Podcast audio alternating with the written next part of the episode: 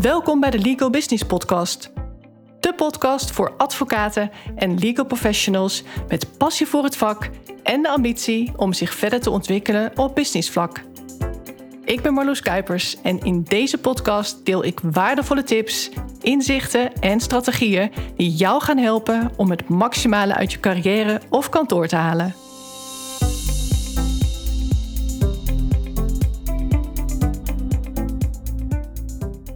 Vragen stellen, het klinkt zo simpel, maar het is toch lastiger dan je denkt. En dan heb ik het over goede vragen stellen.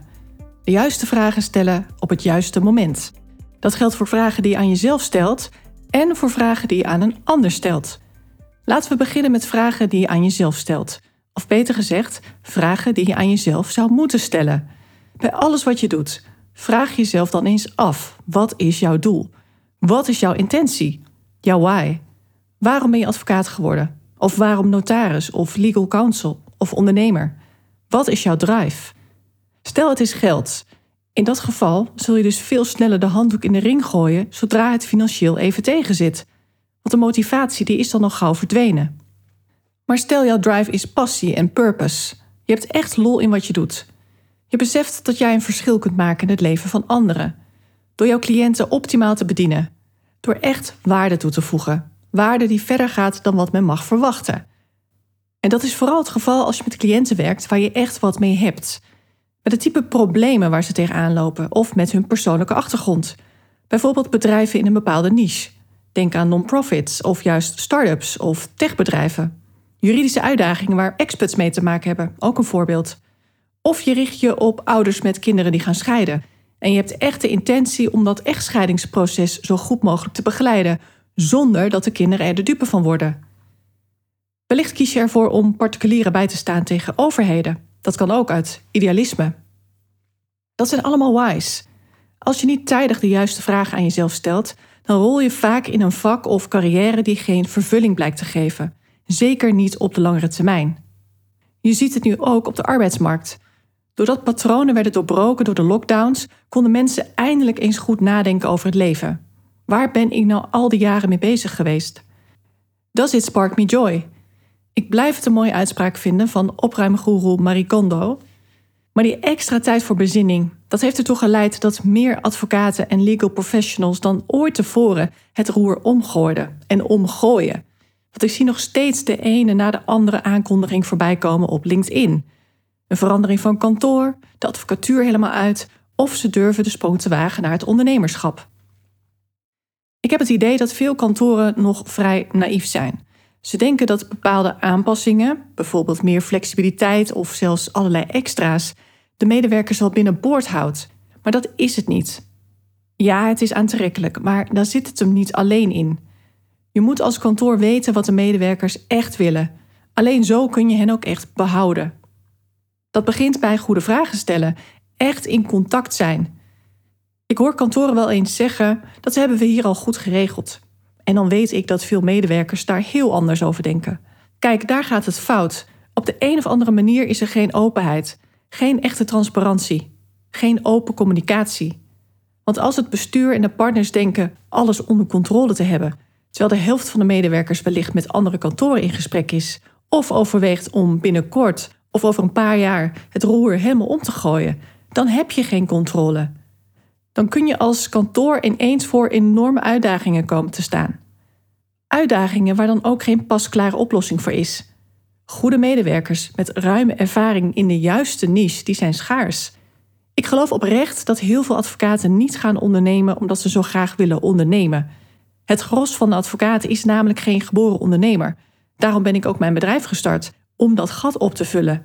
Maar veel advocaten zetten de stap naar het ondernemerschap omdat ze het gevoel hebben dat dit de enige optie is om te kunnen werken volgens hun visie, om de dingen op hun manier te kunnen doen. Voor veel medewerkers geldt dat ze al langere tijd twijfelden voordat ze vertrokken en dat er vaak niet veel voor nodig was geweest om ze alsnog binnenboord te houden. Medewerkers zijn pas weg zodra ze hun ontslag hebben ingediend. Is dat eenmaal gebeurd, ja, dan is het te laat dan voelt het enerzijds als wie A zegt moet ook B zeggen. Maar anderzijds is er dan ook de frustratie: moest het nou echt zo ver komen? Nou kan het ineens wel. Wat het breekpunt dan ook maar was.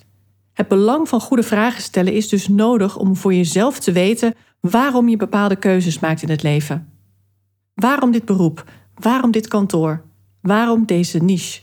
Waarom veel werken of waarom weinig werken? Waarom op vakantie? Dat is ook zoiets. Waarom ga je op vakantie als je in de praktijk feitelijk gewoon doorwerkt? Sommigen doen dat namelijk. Ontspanning is dan blijkbaar niet het doel. Wat is dan wel jouw intentie voor deze vakantie? Wanneer is de vakantie geslaagd? Wat kun je daar zelf aan doen? Dat zijn allemaal nuttige vragen. Vragen die maken dat je invloed hebt op de uitkomst. Dan krijg je wat je nodig hebt. In plaats van dat je achteraf denkt: hoe heb ik dit toch weer kunnen laten gebeuren? Dat is een vraag die je jezelf liever niet wilt stellen. Dan komen we nu bij de vragen die je aan een ander kunt stellen. En wie is die ander dan? Dat zijn bijvoorbeeld familieleden, dat zijn cliënten, dat zijn kantoorgenoten, leidinggevenden, maar ook ondersteuners. Want aan partners stel je natuurlijk heel andere vragen dan aan een secretaresse of dan aan een stagiaire.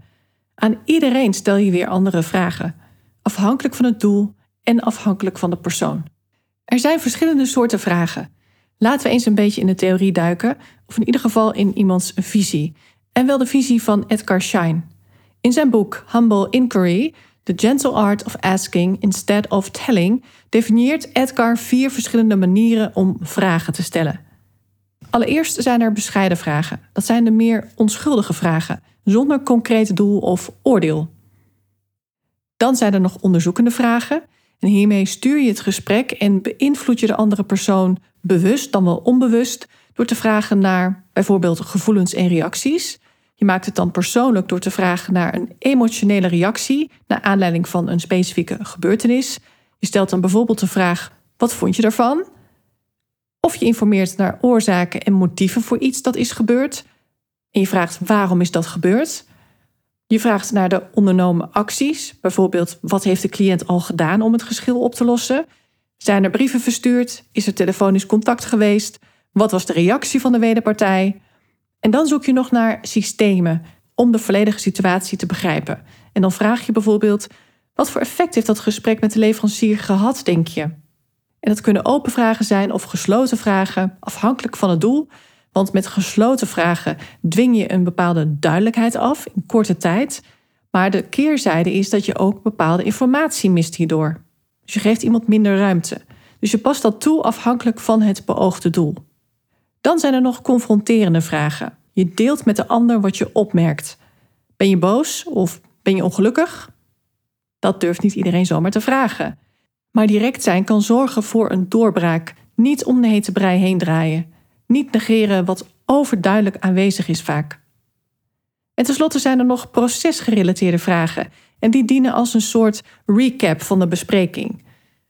Je stelt dan vragen als: Hebben we voldoende informatie nu? Wat is de vervolgstap? Wat zullen we nu gaan doen? Of zijn we het nu eens geworden? Door je bewust te zijn van de vragen die je stelt en hoe je ze stelt, kun je heel veel sturen. Je houdt heel veel regie. Als je geen goede vragen stelt, resulteert dat vaak in het doen van aannames. Terwijl je veel beter bepaalde vragen had kunnen stellen om duidelijkheid te krijgen. Voor zover nog iets onduidelijk is, althans. Ik merk het ook in gesprekken die ik heb met advocaten over een eventuele samenwerking. Als het om kantoren gaat, dan werk ik ook nog wel eens met adviesdagen. Misschien heb je mijn website bekeken, dan weet je dat ik met trajecten werk. Maar adviesdagen zijn soms een mooi startpunt. Ik zie het als een analyse, vooral als dingen nog onduidelijk zijn. Want soms weten advocaten zelf niet goed waar het nou misgaat of wat ze nog missen in de bedrijfsvoering. Maar naast die analyse deel ik op zo'n dag dan ook echt mijn visie en geef ik strategisch advies. Hoe ze tot een bepaald resultaat kunnen komen, bijvoorbeeld. Aan welke knoppen er gedraaid moet worden. Welke kansen in de markt ik zie en dat mondt ook vaak uit in een heel concreet businessplan. Ineens weten ze hoe ze een bepaald doel kunnen gaan behalen Iets wat jarenlang niet duidelijk was, krijgt ineens handen en voeten. Vervolgens is het aan hen om te besluiten of ze een vervolgtraject aan willen gaan, waarbij ik hen persoonlijk help om die resultaten daadwerkelijk te gaan behalen. En dat is de slimste keuze, want je hoeft het wiel zo niet zelf uit te vinden. Je gaat ook geen dure fouten maken. En je koopt als het ware ook tijd. Want ik weet hoe je het snelst tot resultaat komt. Wat je wel moet doen en wat je vooral ook niet moet doen. Dat is mijn expertise. Denk maar aan een briljant idee krijgen en dat succesvol weten te lanceren. Wat levert je dat dan op als kantoor? Niet alleen dit jaar, maar ook nog vele jaren daarna. Het is een investering voor de toekomst. Ik herinner me nog een gesprek van een hele tijd geleden. Ik had toen een online kennismaking met twee kantooreigenaren. Een man en een vrouw. Hij advocaat ondernemer en zijn echtgenote was de kantoormanager. Ze hadden een hele goede omzet, ook een behoorlijk team en hun behoefte was er dan ook met name op gericht om hun kantoor in de nabije toekomst voor een zo hoog mogelijk bedrag te kunnen verkopen. Hoe konden ze nu al gaan sturen om een zo hoog mogelijke marktwaarde te creëren? Heel goed dat ze daar nu al mee bezig waren, want dat moet je namelijk niet pas gaan doen als je het kantoor volgend jaar wilt verkopen. Nou weet ik al behoorlijk wat van waardevermeerdering, maar dan wel vanuit de proces- en investeringskant. Maar ter voorbereiding van dat gesprek had ik ook al gesproken met een overname-expert in mijn netwerk.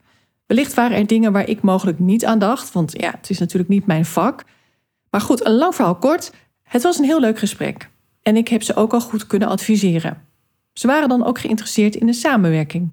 Maar ik kan in zo'n specifiek geval natuurlijk moeilijk zeggen hoe zo'n traject er exact uit moet gaan zien. Hoe lang dat gaat duren en wat precies de vorm moet zijn. Want dat hangt van heel veel factoren af. Factoren die mij op zo'n moment nog niet duidelijk zijn. Dus ik bood een adviesdag aan als laagdrempelige optie. Waarbij ik aangaf dat zo'n adviesdag een heel waardevol startpunt is, omdat ze aan het einde van die dag dan alles weten wat ze moeten weten, vanuit mijn expertise dan, en er in principe zelf mee verder kunnen. Maar wat hebben zij er nou van gemaakt in hun hoofd dat die adviesdag alleen waardevol zou zijn als ze daarna coaching en consulting bij mij zouden afnemen?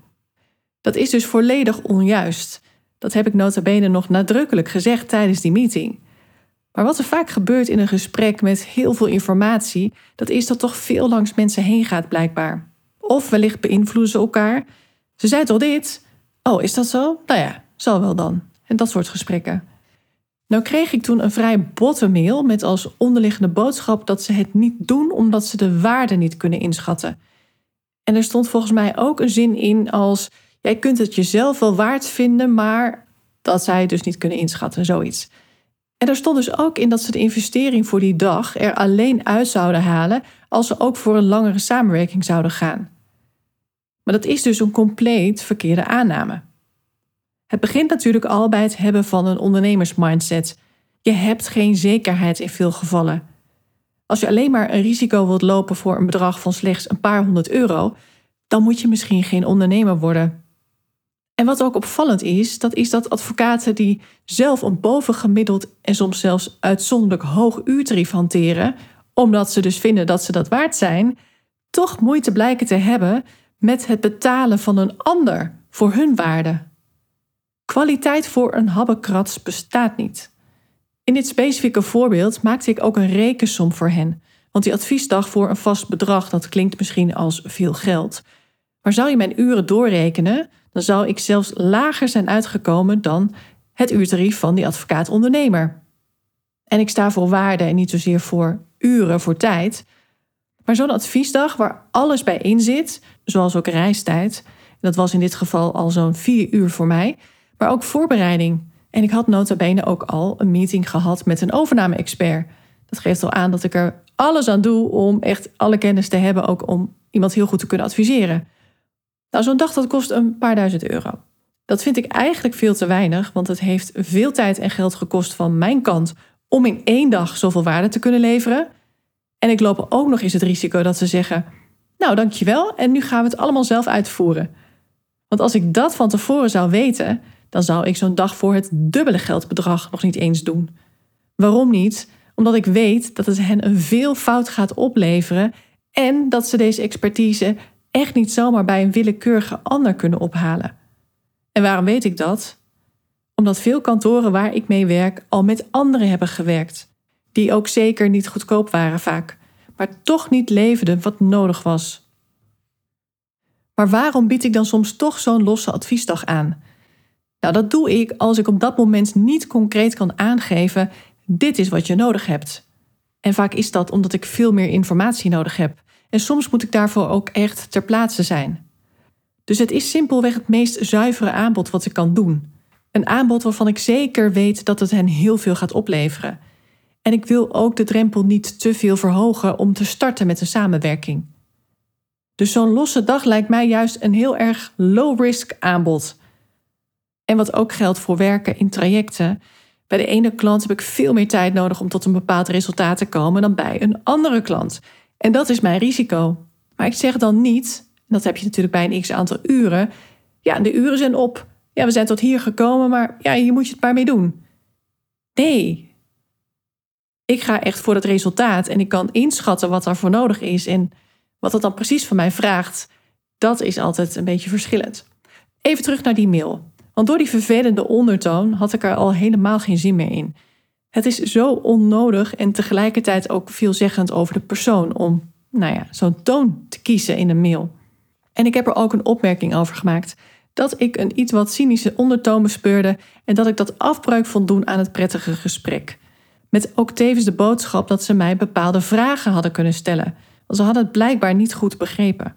Voor die cynische ondertoon kreeg ik overigens wel excuses. Dat was geen sinds de bedoeling geweest, werd aangegeven. Maar ik denk dat het vooral te maken had met het feit dat na het lezen van mijn mail die toon helemaal niet meer gepast bleek. Want door die rekensom bleek de investering ineens by far niet meer bovengemiddeld te zijn, maar slechts een fractie van een procent van hun jaaromzet. Waarbij de return on investment trouwens tonnen zou kunnen zijn. Die adviesdag die staat namelijk op zichzelf en kan hun hele bedrijf al transformeren. Bij wijze van, want je moet het ook nog op de juiste manier gaan implementeren. En dat betekent de juiste beslissingen nemen, gaandeweg, steeds de juiste afslag nemen. En dat wordt onderschat want dat is nog niet zo makkelijk. Advocaten denken toch al snel: oh, nu weet ik wat ik moet doen en ga ik het zelf wel proberen. Dat kost lekker niets. Terwijl ik denk dat het je juist heel veel kost. Denk maar eens aan al jouw verspilde kostbare uren. Dat kost jou niet alleen geld, maar ook energie en plezier. Je bespaart geld, denk je, om er frustratie voor terug te krijgen. Maar bespaar je echt? Nee dus. Alleen soms is een bepaald geldbedrag, een bepaalde investering moeten doen, uit principe al geen optie of uit principe al veel geld. Iets klinkt als duur, maar wat is veel geld? En niets is duur als het je meer oplevert. Een Bentley met een waarde van 2 ton kopen voor 1 ton is een koopje. Dus een bedrag zegt niets. Jouw schappelijke uurtarief zegt niets als jij er twee keer zo lang over doet dan een collega met een uurtarief dat 50% hoger is. Jij bent dan nog steeds duurder. Als ondernemer moet je ook gewoon bepaalde weloverwogen risico's durven nemen. Afgaan op je gevoel. Heeft iemand nu al veel waardevols gezegd? Hoe klein is dan de kans dat het je niets oplevert zodra je ervoor gaat betalen? Het zou juist andersom moeten werken. Als je gratis al zoveel waarde krijgt, dan moet dat juist vertrouwen geven. En als je nog geen fractie van een procent van de jaaromzet bereid bent om te investeren in de toekomst van je kantoor, dan ben je mijn klant ook niet. Dan heb je geen groeimindset. En dat is essentieel voor succes. Maar hadden zij nou gewoon vragen gesteld? Vragen ter verduidelijking. Hebben we het nou goed begrepen dat? Dan waren ze gewoon tot een heel andere conclusie gekomen. Mensen kunnen geen gedachten lezen. Als iemand niet met mij deelt waar de twijfel over gaat, hoe dat denkproces eruit ziet, wat de afwegingen zijn, dan gaan er ook geen antwoorden komen. En wellicht doe je jezelf daar uiteindelijk mee tekort. Zo ook in dit geval. Ik kan in het kader van vragen stellen ook nog een recenter voorbeeld noemen. Ik krijg namelijk best vaak onduidelijke berichten van advocaten. Zoals: zullen we een virtuele koffie doen om te kijken of je mij verder kunt coachen? Die vraag die kreeg ik recent. Ten eerste geeft diegene helemaal niet aan waar hij of zij mee zit. Wat is het vraagstuk? Waar heeft iemand hulp bij nodig? Want dan weet ik ook niet of ik iemand mogelijk zou kunnen helpen met zo weinig informatie. En dan staat er nog verder coachen. Wat wil dat zeggen? Dat je al een coach hebt of dat je een coach hebt gehad? Moet er iets worden afgemaakt? Wat is de bedoeling? Als ik dan zie dat iemand ondernemer is, en dat was ook zo in dit geval, dan stuur ik iemand een vraagformulier toe met een toelichting juist om die antwoorden te krijgen. Deze persoon liet vervolgens niets meer van zich horen. Ik dacht toen al, die heeft vast geen zin om die vragen te beantwoorden. En dat klopte ook, Want later bleek dat ze van mening was dat ik haar waarschijnlijk toch niet zou kunnen helpen, aangezien zij geen omzetprobleem had. Waarbij ze de aanname deed dat ik om die reden informeer naar omzetdoelen en dergelijke. Maar daar zit heel wat anders achter. Het geeft weer wat voor soort kantoor iemand runt, wat iemands ambities zijn, maar ook hoeveel ruimte er nog zit in het huidige jasje, met de huidige organisatiestructuur, met het huidige aantal FTE's. Nuttige informatie dus. En toen ik haar belde en het toelichtte, bleek ze te voorbarig. Sterker nog, ik had haar hoge omzet exact geraden. Want ik werk wel degelijk met haar soort advocaten. Advocaten die heel andere doelen hebben dan omzetverhoging. Dus toen werd het een heel ander gesprek. Maar er was eigenlijk maar één vraag voor nodig geweest. Of eigenlijk niet eens. Ze had natuurlijk gewoon vertrouwen moeten hebben in het nut van een zorgvuldig opgestelde vragenlijst. En als je dat niet hebt, dan kun je iemand toch gewoon informeren over jouw concrete hulpvraag en vragen of een gesprek zin heeft. Dat lijkt mij het handigst. Geen aannames doen, geen voorbarige conclusies trekken, maar gewoon onderzoek doen. Wat eigenlijk hoort bij je vak als advocaat. Maar privé gebeurt dat vaak toch niet. Vragen stellen zal je als advocaat zo natuurlijk moeten afgaan. En toch laten velen het daar liggen. Maar ik heb ook voorbeelden van advocaten die wel degelijk goede vragen stelden. Advocaten die ook tevens ondernemer waren en een hele specifieke vraag hadden. Iets waar ze mee in hun maag zaten en waarbij ze graag mijn advies wilden. Zij hadden het lef om mij te berichten met het verzoek of het niet toch mogelijk is om een losse sessie te boeken. Ook al staat op mijn website dat ik alleen met trajecten werk.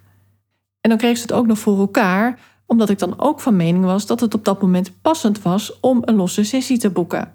Vaak omdat ze dan op een later moment alsnog een traject willen gaan doen. Maar dan zaten ze nu met een heel concreet iets waar ze nu even mee vooruit geholpen moesten worden. En met zo'n sessie zorg je er dan ook daadwerkelijk voor dat ze verder kunnen. Dat ze ook kunnen ervaren wat een sessie met mij kan opleveren. En dat is natuurlijk ook weer in mijn voordeel. Dus door gewoon de juiste vraag te stellen, en dat was dus niet: ik wil graag een losse sessie bij jou boeken, want dan krijg je een heel ander antwoord van mij. Maar door daadkracht te tonen en voor de juiste aanpak te kiezen, kregen ze wat ze wilden. Het maakte dat ik dacht: oké, gezien de omstandigheden, it makes sense, we doen het. Tot zover de vragen vanuit de advocaat zelf, vanuit ondernemerschap. Maar als het gaat om samenwerking met cliënten, dan is het stellen van goede vragen ook heel belangrijk. Want weet je zeker dat ze het wel begrijpen? Je checkt het simpelweg door het te vragen en doe vooral geen aannames. Weet je zeker dat jouw cliënten tevreden zijn? Heb je het op de juiste manier gevraagd en ook doorgevraagd? Want waarover zijn ze dan zo tevreden? En als het om medewerkers gaat, weet je zeker dat een medewerker het echt naar zijn zin heeft. Als goede leider zou je in staat moeten zijn om alles uit je medewerkers te halen en dan doel ik op wat hen drijft en wat zij willen. Hoe kunnen ze optimaal presteren en floreren? Ga er niet zomaar van uit dat er niets aan de hand is, simpelweg omdat iemand niets zegt of omdat iemand niets negatiefs zegt. Ga er ook niet zomaar van uit dat je jouw medewerkers een enorm plezier doet met een bonus, want wellicht willen ze wel heel iets anders. En dit soort aannames is dan vaak de reden waarom medewerkers soms toch vertrekken terwijl het als een complete verrassing komt voor het kantoor. Er was toch iets wat ze blijkbaar misten. Iets waar waarschijnlijk het gesprek niet over is gevoerd, of in onvoldoende mate. Er was wellicht onvoldoende ruimte voor in de beleving van de medewerker. Dat heeft ook wel te maken met psychologische veiligheid, zoals ze dat noemen. De meeste mensen zien op tegen lastige gesprekken. En ze hebben achteraf altijd het gevoel niet gezegd te hebben wat ze wilden. Als jij zelf zo'n lastig gesprek voert als leidinggevende met een medewerker, wees je dan van bewust dat er een verschil is tussen een boodschap zenden of echt willen weten wat die ander denkt en vindt. Dat geldt ook voor lastige gesprekken met cliënten. Geef de ander de ruimte door de juiste vragen te stellen. Dan nog wat algemene tips voor het stellen van goede vragen. Stel om te beginnen simpele vragen. Dus niet drie vragen in één. Dan krijg je nooit een goed en duidelijk antwoord. Maak ook gebruik van tactische vragen om iemand weer op het juiste spoor te krijgen als mensen in een gesprek bijvoorbeeld te veel afdwalen. De zogenaamde sturende vragen. Bijvoorbeeld, interessant wat je zegt, maar waar ik vooral benieuwd naar ben is. Of volgens mij dwalen we een beetje af. Zou je nog iets meer kunnen vertellen over. Puntje, puntje, puntje. En dan heb je mensen weer waar je ze wilt hebben in het gesprek. En luister vooral meer dan je praat. Dat is echt een onderschatte skill, goed kunnen luisteren. Ze zeggen wel eens: je hebt niet voor niets twee oren en één mond. Iets anders om rekening mee te houden is hoeveel tijd je hebt voor een bespreking. Als je echt moet afronden binnen 45 minuten bijvoorbeeld, dan is het niet handig dat je dan midden in een zwaar onderwerp zit. Dat je met een onvoldaan gevoel een diepgaand gesprek moet afbreken. Bedenk dus van tevoren hoe het gesprek kan gaan lopen en bedenk een structuur in je hoofd. Bijvoorbeeld drie blokken. Je hebt dan de intro, de bescheiden vragen om te connecten, zeg maar de koetjes- en kalfjesfase. Vervolgens stuur je gericht op het onderwerp. Wat moet er besproken worden? En vervolgens werk je naar een concrete uitkomst. En die uitkomst kan bijvoorbeeld zijn dat je een duidelijke boodschap hebt overgebracht, dat je een knoop hebt doorgehakt met die ander na het overleg, of dat je een concrete vervolgafspraak maakt. En als het gaat om efficiency, dan speelt goede vragen stellen ook een heel belangrijke rol. In de vorige aflevering ben ik uitgebreid ingegaan over het belang van tijd en timing. En goede vragen stellen is ook cruciaal voor efficiency. En de timing van de vragen is ook bepalend voor het effect dat je er al dan niet mee bereikt. Neem nou het vragen om loonsverhoging. Dat heeft niet zoveel zin als je compleet onverwacht bij jouw leidinggevende, laten we zeggen de partner, binnenloopt en even out of the blue om loonsverhoging vraagt. Terwijl als je een lange tijd hebt overgewerkt en een substantiële bijdrage hebt geleverd aan het succes van een groot project, dan is de kans veel groter dat je iemand daarin meekrijgt. En waarom? Nou, je hebt je toegevoegde waarde laten zien. Je hebt jouw inzet laten zien. Laten zien wat je in je mars hebt. En dat maakt dat men jou graag wil behouden en ook bereid is om te kijken naar een passende vergoeding voor jouw inbreng. Maar als je het niet vraagt, ga je het meestal ook niet krijgen. Zo is het ook weer. Maar een belangrijk iets, aangekaart op een verkeerd moment, dat is eigenlijk een verloren kans. En elke nee verzwakt toch jouw positie. Als het dan gaat over tijd winnen door goede vragen te stellen, hoe doe je dat dan? Dat doe je enerzijds zelf door besprekingen effectief te leiden en ook te sturen met hele goede, scherpe en relevante vragen. Denk aan besprekingen met cliënten, maar dat geldt ook voor interne overleggen. En over interne overleggen gesproken, vooral als je anderen aanstuurt, heb je hier heel veel te winnen. Want stel je bent partner of managing partner, dan ben je nog veel drukker, dan wil iedereen wat van je. Of in ieder geval, veel mensen willen graag dat jij beslist. Ideeën en plannen moeten bij jou door de keuring. Dat geeft iedereen een geruster gevoel. Jij hebt de beslissing genomen. Maar er zijn ook medewerkers die jouw feedback willen op hun werk en ook problemen bij jou neerleggen. En even aansluitend bij de vorige aflevering, waarin ik ook aangaf dat als het gaat om jouw tijd, je daar ook jouw cliënten en medewerkers in hebt op te voeden. Want als je dat niet doet, dan komt iedereen onvoorbereid bij jou aankloppen, zowel fysiek als digitaal, zonder goede vragen te stellen, zonder van tevoren al nagedacht te hebben over een mogelijke oplossing. Een mogelijke oplossing voor het probleem dat ze met jou willen gaan bespreken. Een hele belangrijke verandering die je kunt doorvoeren is dat je mensen aanleert om wat ze ook maar met jou willen bespreken, zo voor te bereiden en zo concreet te maken dat je in feite alleen maar ja of nee hoeft te zeggen. Dus je wilt geen vraag krijgen als: kun jij mij even feedback geven? Dat is een slechte vraag. Je wilt horen dat iemand zegt: hier en hier twijfel ik over om die en die redenen. Kunnen we het daar even over hebben? Of kun je even naar deze pagina van mijn processtuk kijken, want ik twijfel of wat ik daar zeg wel juist is. Dat is efficiënt. En organiseert iemand een kantooruitje, dan wil je niet alle ideeën horen en al helemaal niet tien offertes hoeven bekijken. Je wilt de twee of max drie allerbeste opties en ook al horen wat de voorkeur van die ander is, van degene die alles al zorgvuldig heeft uitgezocht. Je kunt ook afspreken dat mensen jou niet alles cc'en. Dat vinden de cc'ers vaak fijn, want zij zijn ingedekt. Ik heb je gecc'd, je had het kunnen zien. Je kunt aangeven alleen mails te willen ontvangen die je met een simpele ja of nee kunt beantwoorden. Of anders moet er even een telefonisch overleg ingepland worden. En ik zeg dus bewust ingepland worden en niet zomaar bellen. En dat klinkt allemaal heel streng, maar het is een leidraad. Het is aan jou hoe efficiënt je dingen wilt aanvliegen. Maar je zult wel moeten als je een hoog energieniveau wilt houden en als je je eigen to-do's wilt af kunnen werken. Als tien man op elk moment kan komen binnenlopen voor overleg, hoe ga jij dan jouw werk afkrijgen op een gezonde manier? Als je zegt: Ik heb tijd genoeg, ik verveel me, ik kan niets beters bedenken dan mijn tijd te gebruiken om een ander te diensten te staan, ja, dan ben je de eerste advocaat die dat zegt en dan ga je hier ook helemaal niks mee doen. Maar de kans is groter dat je er heel veel aan gaat hebben om prioriteit te geven aan time management, aan productiviteit, aan efficiency en aan effectiviteit. Het is allemaal heel belangrijk. Productiviteitstips die gaan het grote verschil niet maken. Alles aanpassen wel. Wat bij jou ligt en wat bij een ander ligt. Aan de voorkant, de proceskant, hoe organiseer je het allemaal? Wie doet wat en hoe krijg je de regie over het gedrag van anderen? Maar ook aan de uitvoeringskant, hoe jij zelf de dingen uitvoert die je daadwerkelijk te doen hebt.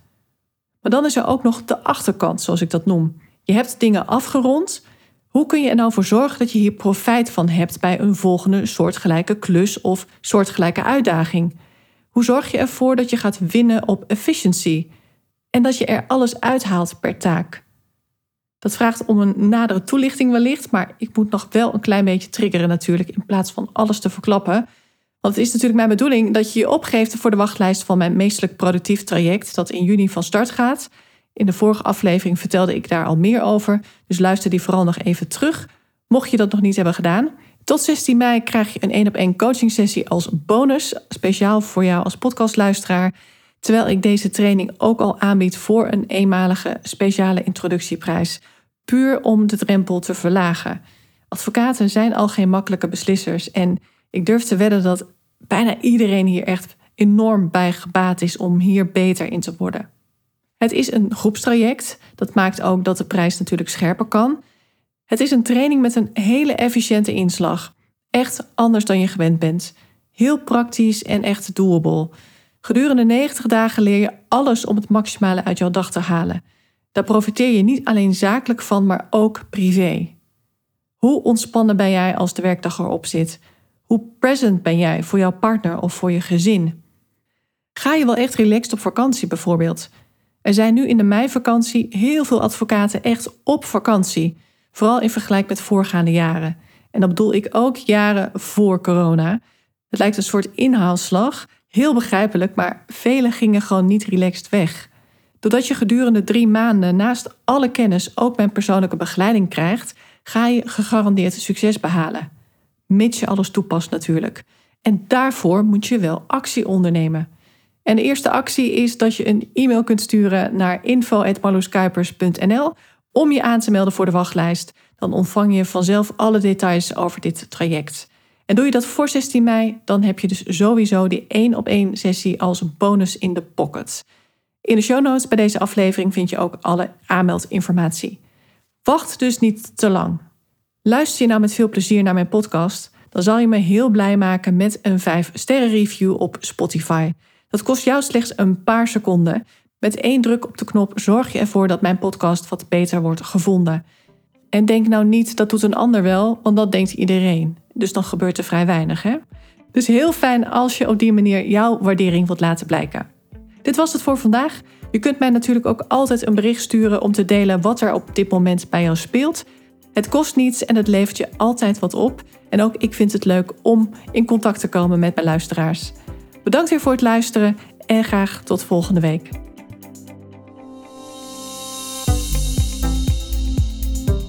Dankjewel voor het luisteren.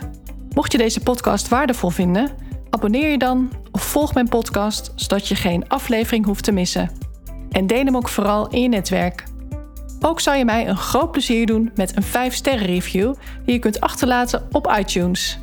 Niet alleen wordt de podcast dan beter gevonden, maar je helpt ook weer andere advocaten en juristen in hun reis naar succes en geluk. Uiteraard vind ik het leuk om te horen wat je meeneemt uit deze aflevering.